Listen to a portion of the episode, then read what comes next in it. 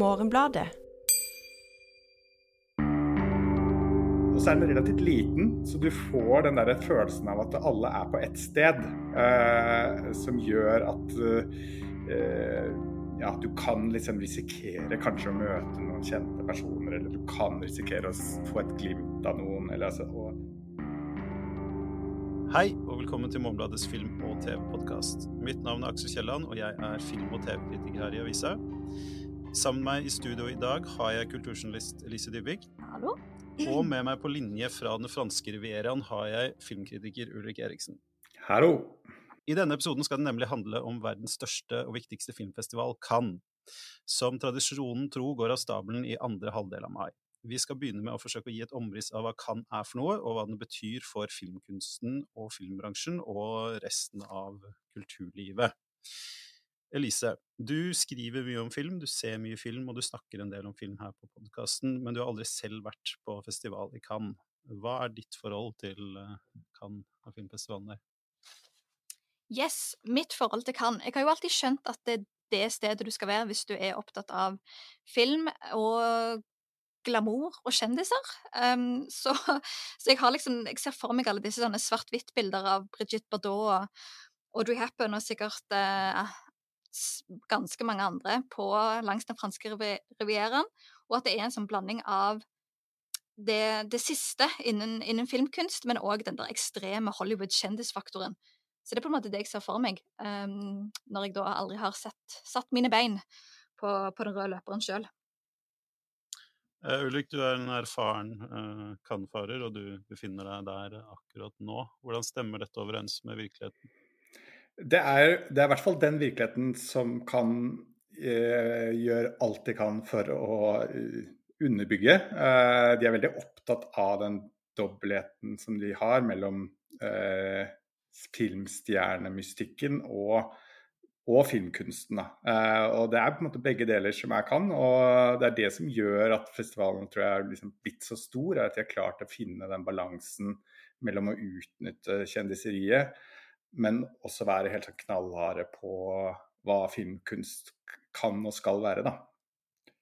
Ja, for det er jo øh, når, man, når, man, spør seg hvorfor kan har blitt så viktig, hvorfor nettopp kan, så er det et par faktorer. Er, en av de er jo at det er en gammel festival den starta tidlig. En annen er at um, i Frankrike så tar de film veldig seriøst, og de har også liksom De har uh, infrastruktur og, og, økonomiske ordninger for, og proteksjonistiske ordninger for å, for å ta vare på filmkunsten. Og så er det jo da tre Dette er at Cannes eh, som ligger da på Rivieraen, kort biltur unna NIS. eh, det er et sted hvor uh, amerikanske Hollywood-stjerner og andre kjendiser er villige til å dra og oppholde seg. Og denne rammen gjør det da også mulig å selge, selge Cannes som et medieprodukt. Altså, mens, mens, interessen for filmfestivalreportasjer har dalt kraftig de siste ti årene, så, så er jo Cannes-reportasjen fortsatt en, en, journalistisk sjanger som, som, står seg rimelig godt. Ja, det er, og det er jo, det er jo Den har jo noe sånn pittoreskt over seg, eller i hvert fall eh, tilsynelatende noe pittoreskt over seg. Det er jo ikke verdens vakreste by, men, men, den har liksom palmene, og den har solen stort sett. da, Og, og, og den har eh, en og så er den relativt liten, så du får den der følelsen av at alle er på ett sted. Eh, som gjør at eh, ja, du kan liksom risikere kanskje å møte noen kjente personer, eller du kan risikere å få et glimt av noen. Eller, altså, og hele den eh, måten å organisere festivalen på har nok vært også en suksessfaktor. Da. At, du, at du plasserer veldig mye av filmbransjen eh, fra hele verden inn på en, i en ganske liten by. Eh, og så kombinerer det med litt sånn fint vær og, og sånt. så så, så, er det en, liksom en suksessoppskrift da, uh, som gjør at folk går tilbake igjen og igjen. Og en oppskrift man ser for så vidt i, i festivaler som, som Sundance og, og, Tromsø. Altså at du, du, du skaper en sånn eksotisk ramme. Der er det jo liksom snø og, og kulde og fjell, da. Men, men det er likevel den her ideen om at uh, det finnes hovedsakelig to typer filmfestivaler. Det finnes de som tar over en, absolutt en hel by, sånn som Cannes og Tromsø gjør. Og så har du de som utspiller seg i store byer, som uh, New York, Toronto, uh, hvor de liksom bare Ja, Berlin, hvor de bare blir en del av, av bybildet, da. Uh, og, og, kan tilhøre da den førstnevnte. Um, ja, vi var inne på det. Kan journalistikken er, liksom, det er en egen sjanger. Hva er ditt forhold til den, Lise? Jo, kan jeg bare si at jeg eh, Nå er det sånn typisk at jeg noterte meg noe, men glemte å notere hvor det var fra. Men dette er altså fra en eh, norsk avis på 80-tallet, der en eh, journalist da, som har vært i Cannes og Det er ikke en av de mest kjente norske Cannes-journalistene, men han sier da dette. Jeg har sagt det så mange ganger at jeg ikke orker å sitere det igjen. Alle tror vi journalister ligger på stranden og titter på stjernene, eller omvendt, men vi arbeider fra morgen til natt, og jeg bor på et enkelthotell med et bad som både har koldt og koldt vann. Vet ikke helt om jeg skjønte. Men altså, det er ikke den uh, glamorøse det glamorøse livet en skulle tro. Uh, men der vet jeg ikke med, med, begge dere to som har vært der, om, um, om kan en spille ut en sånn sin indre vet ikke, verdensmann på, på festivalen? Nei, eller jo, du kan det jo helt sikkert hvis du virkelig vil. Det er mange vil. som prøver. Ja, ja, ikke sant. Du kan kle deg litt spesielt og ha en eller annen sånn fjong hatt. Og, og, og, du kan jo på en måte være veldig brauten i køen. altså Man kan jo gjøre sånne ting. Og noen prøver, og det, noen ganger faller man jo tvers igjennom hvis man gjør det. Men det er jo et rom for å på en måte by på deg selv her, hvis man har lyst. Eh, selv går jeg stille i gangene og trives best med det. Uh, og, og, det er jo sant det som står i den artikkelen. Altså, det er jo det er jo det er hektisk, og det er jobbing, og det er jo uh, Det er liksom ikke, ikke verdens mest glamorøse riv å være her, selv om uh, tilsynelatende forutsetningene er til stede for å, å ha det liksom, glamorøst, så er det, det er filmvisninger fra halv ni til tolv på natten. Og, eh, og så grabber man seg en matbit på vei dit til køen, og så står man i kø, og så Ja. Så det er For det er kanskje det som mangler oftest i den klassiske kantjournalistikken, er, eh, er lange beskrivelser av time på time tilbrakt i kø. Eh, og kanskje da særlig eh, mest irriterende time på time tilbrakt i køer på filmer du ikke kommer inn på. De har, kan ha et veldig særegent og hierarkisk akkrediteringssystem hvor, hvor, du tildeles akkreditering som presse, da, så, så tildeles du akkreditering basert på hvor mye du har skrevet året før, sånn kartlegger de, men også hvor stort uh, publikum det du skriver for, har. Men også uh, dine år med festivalen. og ja. Ansiennitetsprinsipp, ja. ja. Men bare for å ta det kjapt, for det har jeg ikke visst egentlig eller skjønt før nå i, når jeg begynte å sette meg inn i det. For det, det finnes liksom en egen norsk, eh, norsk kan-reportasje, eller norsk kan-journalistikk, som eh, der de fremste representantene var vel Pål Bang-Hansen i NRK og eh, Arne Hestenes i, i Dagbladet. Ja, Uh, og Arne Hestnes er vel den som på, måte, på, mange måter etablerte det, i hvert fall sånn i skriftlig format, og var uh, den som var først ut med det i Norge. Uh, og, og, utnyttet det til de grader. Han hadde jo en egen spalte sant, som het vel Under palmen, eller hva det var for noe. og og som, som, jo handlet på en måte var en slags petit-sjanger, eh, hvor han på en måte beskrev sine dager eh, på Rivieraen. Og, og, og, var liksom Hadde en sånn persona som en sånn veldig verdensvant uh, uh, Flåttenfeier, uh, med et litt sånn, kall, litt sånn kynisk, humoristisk, litt selvhevdende blikk. Som, som, på mange måter etablerte et syn på Cannes som nok finnes i andre land også, men som på en måte ble veldig sånn eh, eh talen for hvordan eh, man har oppfattet Cannes siden. Og så hadde hadde jo også Paul Bang-Hansen gjennom sitt filmmagasin på TV eh, alltid eh, spesialepisoder fra Cannes med, med, intervjuer fra krosetten, og da var jo palmene alltid til stede. Og han fikk jo også veldig tilgang til veldig mange store stjerner. så det de to har nok liksom etablert veldig mye av hvordan nordmenn har sett på Cannes, i hvert fall på 80- og 90-tallet. Mm. For jeg fant dette utdraget òg, som jeg bare leser på, jeg syns det er så morsomt. Um, og det, dette er vel òg fra, fra 80-tallet en gang, der det står, og det er ikke måte på hva en uh, tar seg til å skrive. Altså, det er Gud Fader som skapte jorden, men kan var det Arne Hestenes som fant opp. Ifølge Pål Bang-Hansen lå han der som et øde sumpområde, der bare noen frosker trivdes, før Arne Hestenes dukket opp og gjorde noe med det. Så det er liksom eh... Ja, jeg tror nok ikke det er norske journalister som egenhendig gjorde det der. Men, men, de skal ha både Pål Bang-Hansen og Arne Hestenes er to skikkelser som faktisk folk i Cannes vet hvem er. Eller i hvert fall av den gamle skolen. Uh, så de hadde helt klart en, en helt egen rang her nede. Det, det, det kan de nok uh, helt sikkert det, det, kan man gå god for. Det kan jo hende at det sier noe om eh, Norge som filmnasjon, da, at de nordmennene som i størst grad har preget kan ha vært uh, journalister. Uh, mennesker som har dekket i journalistisk øyemed. Uh, jeg husker at da jeg første gang var på festivalen, det var litt 2010, de første årene der, så, så hadde jeg et veldig sånn behov for å, for å nyansere myten om kan. Da tenkte jeg at hvorfor skriver ikke folk om hvordan det egentlig er her? Hvorfor skriver man ikke om de endeløse køene og, og filmene man ikke kommer inn på, alt det der?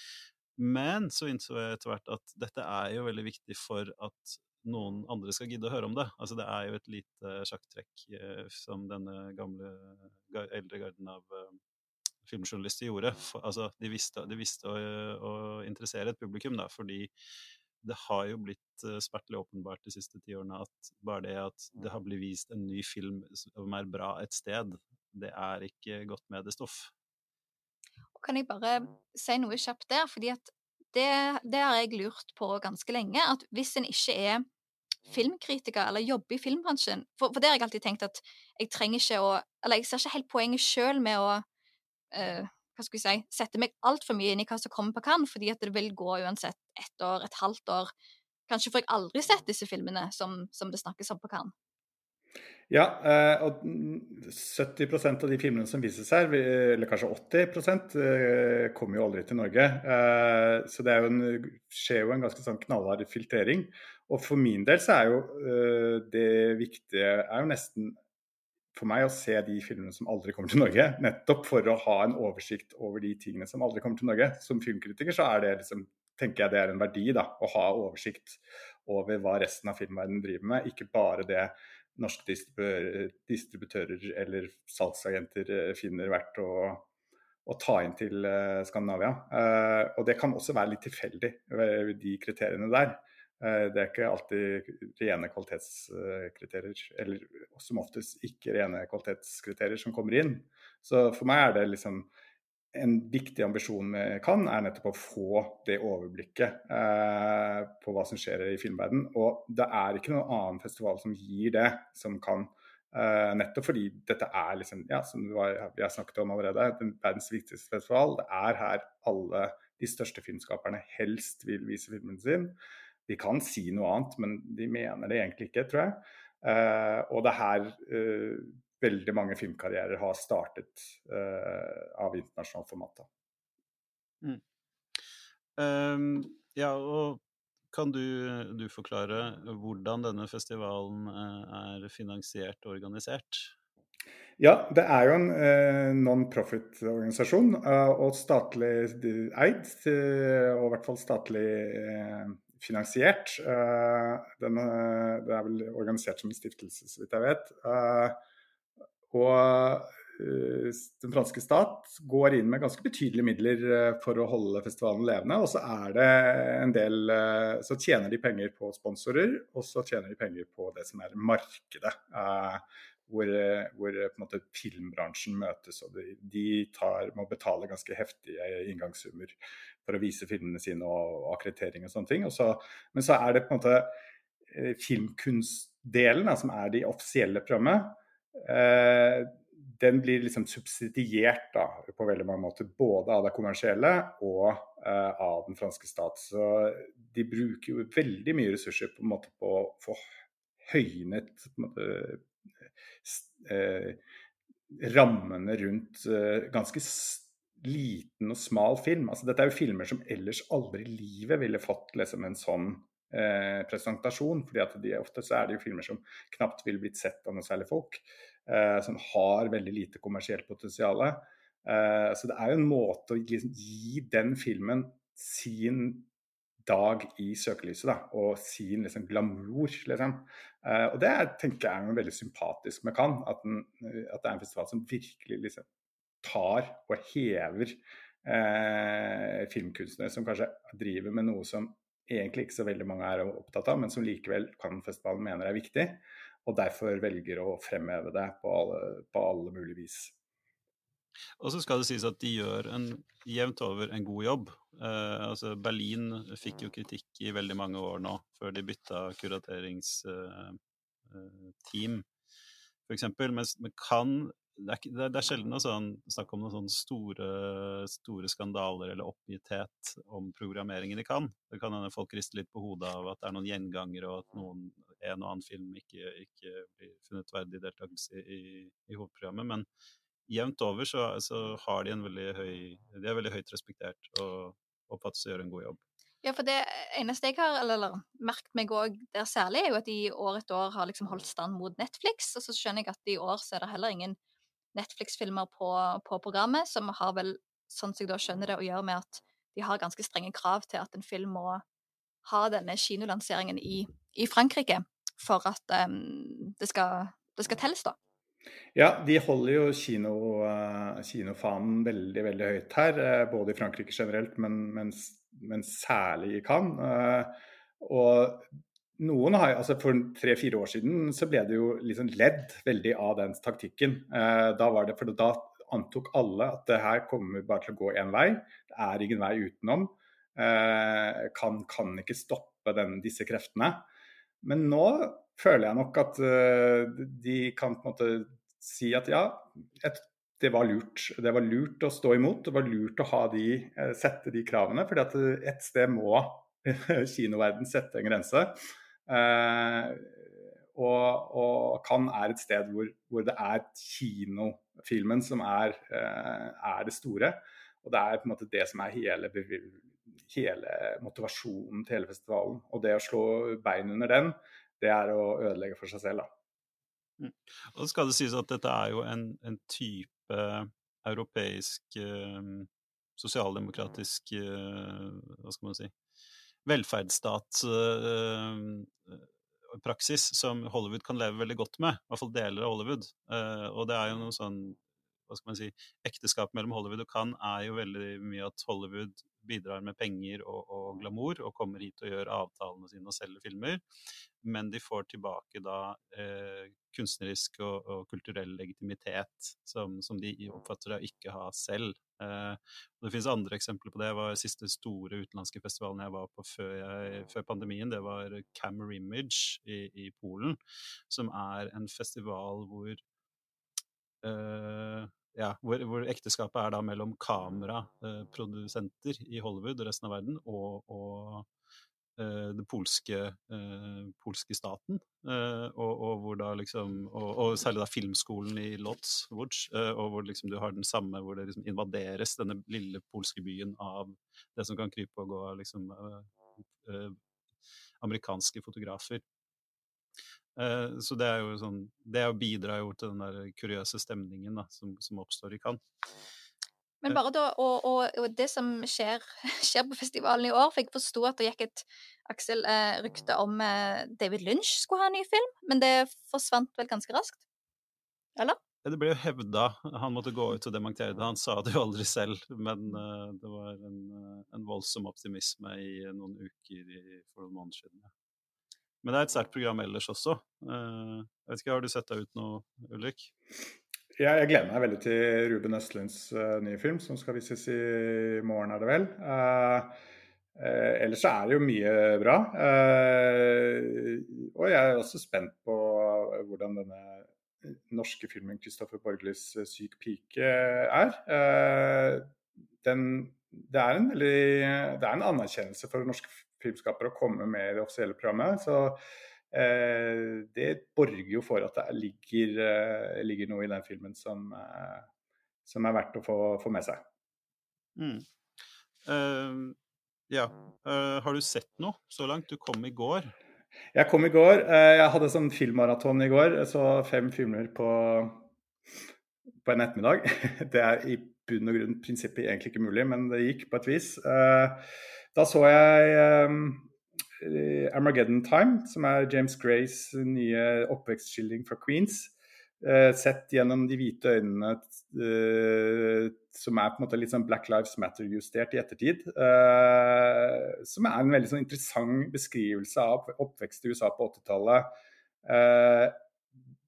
hvor en måte en jødisk hvit guds situasjon mellom å være veldig privilegert og også ha den jødiske eh, på en måte outsider-rollen, kombinert med at han har en svart venn som på, en måte alle på alle mulige måter eh, faller utenom eh, en, eh, alle kriterier. Så den, eh, den er interessant, syns jeg, og, og, veldig velspilt og sjarmerende. Eh, og så så jeg i dag tidlig så jeg Mia Hansen Løves nye film. Hun er allerede tilbake med en ny film, fordi den forrige ble jo spilt inn, altså den uh, Bergman, Island. Bergman Island ble spilt inn for uh, tre år siden. Så hun hadde på en måte tid til å kjøre i gang med et nytt prosjekt. Un beau matin heter den. og den er veldig bra. Uh, burde nesten vært Den er ikke hovedkonkurransen, burde vært der, syns jeg. Uh, så den uh, håper jeg kommer til Norge. For hvordan er det fungerer? Det en hovedkonkurranse, og der kan en vinne Gullpalmen, er det sånn? Ja, der er det rundt 20 filmer eh, hvert år. Eh, de konkurrerer da om eh, Gullpalmen. Og det er en veldig, veldig, veldig eh, gjev kategori i hovedkonkurransen. Eh, alle de største navnene i verden eh, vil helst vise filmen sin der, hvis de ikke har helt andre hensyn å ta til, ta, ta til takk til. Så, så, gjør de helst det. Og da har du en jury, som i dag eh, som i år bl.a. består av Joachim Trier, som sitter i hovedjuryen. Eh, som da kommer med sine eh, vinnere. Og Gullpalmen er da den gjeveste prisen. Uh, og så er det andrepremie og tredjepremie og skuespillerkategorier og eh, manus og regi. Uh, og alt er jo veldig sånn Å sette på det stempelet på filmplakaten sin at den har vunnet i Cannes, det er alltid liksom en, en, gullgruve for en relativt ofte smal film i utgangspunktet. Da. Eh, så det henger høyt, eh, den prisutdelingen der. Og så I tillegg så er det da sideprogram, eller hva man skal kalle det, Uncertain Regard, eh, hvor da Borgli sin film er. Og så er det da andre programmer, eller som kanskje teknisk sett er festivaler. Du har Kritikeruken, du har det som kaller uh, Kinsender eller Directors Fortnight, og du har uh, Acid, som er en sånn en, enda mer eller mindre obskurt uh, sideprogram til alt det igjen.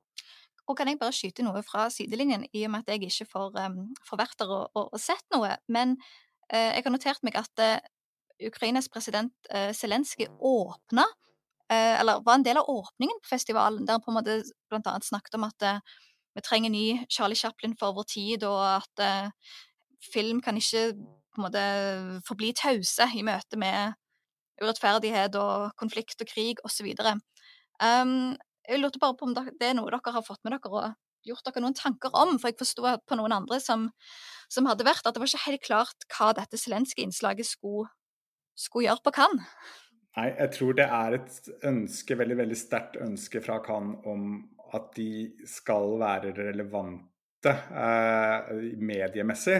Så det er, det er, noe litt sånn opportunistisk å invitere den eh, ukrainske presidenten tenker jeg, til å, måte, til å, åpne, fordi de vet jo at det vil måte, gi et eller annet sånt signal, eh, og at det blir en mediesak av det. Eh, når det er sagt, så viser de jo eh, Jeg kom også akkurat nå fra en visning av Mariupolis 2, som er laget av den latviske regissøren Mantas Kvedari, Kvedaravisius, som lagde en dokumentar fra Mariupol for seks år siden kalt Mariupolis. Eh, og så dro han tilbake nå i vinter for å eller i vår, for å, å, å følge opp eh, de skjebnene han møtte da. Eh, og så ble han rett og slett henrettet på vei tilbake av russiske soldater. og så har kollegaene hans klart å samle sammen materialet til en helaftens dokumentar det var sterke saker. Han har en veldig sånn, egenartet stil. Veldig veldig lange tagninger, eh, fokus på personer og skjebner og mennesker, eh, ikke så mye på, på måte, omgivelsene. Eh, og, men det, å, måte, det, blir som film som ferskvare å sitte på en filmfestival i Cannes og så ha en, et ganske sånn fullverdig filmatisk produkt eh, servert som er bare noen måneder gammel, og, og som har det bakteppet som er veldig seriøst. da. Eller veldig alvorlig og, og, og eh, spesielt uh, å se det. Um, så jo, festivalen kan være relevant også uten å eh, invitere den ukrainske presidenten til å være med på åpningen. Men det skal sies at det finnes på en måte to regimer i verden som kan ha et, et, antagonistisk forhold til, og det er det iranske og det russiske. Altså, de er en veldig, veldig sterk forkjemper for ytringsfrihet og for filmskapere fra de landene, så sånn sett så går det jo inn i et eller annet mønster, da. Det skal også sies at Amy Schumer visstnok prøvde veldig hardt å få Zelenskyj til å åpne Oscar-utdelingen, så det er ikke en, er ikke en helt ny tanke. Um, ja, vet ikke, Er det noen eh, filmer på programmet Lise, som du, er, som du håper kommer til Norge? Som du har sett der ut? Uh, jeg må dessverre innrømme at uh, der er det litt den hvordan, hvordan, jeg forholder meg til en festival når jeg ikke på en måte um, er der sjøl. Men det er jo mer dette at um, har ikke David Cronenberg en ny film som kommer? Han kommer med en ny film. Uh, uh, 'Crimes of the Future' uh, vises på mandag, er det vel. Mm -hmm. den er jeg spent på, absolutt. det er mange som snakker om det. Det er jo som I Cannes så blir det veldig sånn at de gamle sluggerne får en helt sånn egen sånn forventning knyttet til seg, selvfølgelig. Altså de som har Cronenberg har vist nesten alle filmene sine i hovedprogrammet i Cannes, eh, og har en veldig høy status i Frankrike. Eh, så, så, når han kommer med ny film, så er det, det er veldig mange som snakker om det, selvfølgelig. Men det kan jo gå alle veier, det. altså. Det må ikke bli en bra film. Men det, Men det er jo det er den første liksom, klassiske Cronenberg, den Cronenbergske filmen siden 1997. Eh, så, ja. ja. så det, det blir spennende. Lover forventninger. Mm. Det er mye, mye body horror og, og plugger som skal inn i menneskekropper og sånn. Uh, vet ikke, Ulrik, har du noen anbefaling uh, der nede fra? Ja, jeg tenkte jeg skulle eh, anbefale en film som på en måte fanger veldig mye av det Kan ønsker å fremstå som. Eh, og som, som, jo er basert på litt på hvordan Hollywood har vist Kan opp gjennom tidene. Eh, og Hitchcocks 'To Catch a Thief' fra 1955 med, med Grace Kelly og, og Cary Grant i hovedrollene hvor Cary Grant er en mestertyv, uh, og også veteran fra andre verdenskrig. Uh, den, den uh, presenterer Rivieraen og kan på en sånn herlig glamourmåte, som på mange måter Ja, hvis du liksom ønsker å se det beste av Rivieraen, sånn som det kunne vært i en drøm, så er det den filmen du skal se. Elise, har du en anbefaling? Ja, jeg har skjønt um, at uh, det er en ny sesong av TV-serien Derry Girls ute, som er denne nord... Eller serien som um, tar for seg uh, nordirsk oppvekst, uh, når det er på en måte på sitt ja, mest hverdagslige og mest konfliktfylte. Um, som jeg tror de forrige sesongene ligger på Netflix, denne nye sånn britiske produksjonen, så jeg er ikke helt sikker på når den er egentlig tilgjengelig, men det er i hvert fall en god anledning til å, å, se det som egentlig bare er en veldig kul og, og, morsom ungdomsserie. Så da slår jeg et slag for Derry Girls. Jeg har hatt en uh, veldig travel uke, fordi jeg skal rekke alt jeg skal gjøre før jeg skal stå opp klokka kvart på fem i morgen og reise til Cannes. Så jeg har ikke sett noe bra kultur, jeg har sett uh, dårlig kultur. Og det er uh, nye strømmetjenesten Pluto TV, som er en uh, slags forsøk på å gi deg uh, lineær-TV i en strømmetjeneste.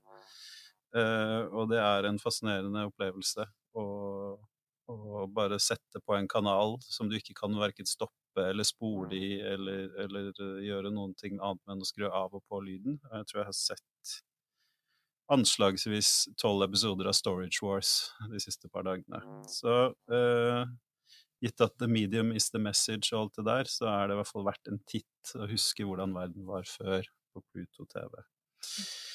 Uh, men ikke bra, altså. Uh, ikke kvalitet. Det var det vi hadde for denne gang. Neste uke er vi tilbake med en ny episode. Og eh, inntil da så kan du gå inn på morgenbladet.no, hvor du kan lese flere tekster om Cannes og om eh, film og TV generelt. Eh, og hvor du også kan tegne abonnement på fysisk og digital utgave av avisen. Da høres vi neste uke. Takk for oss.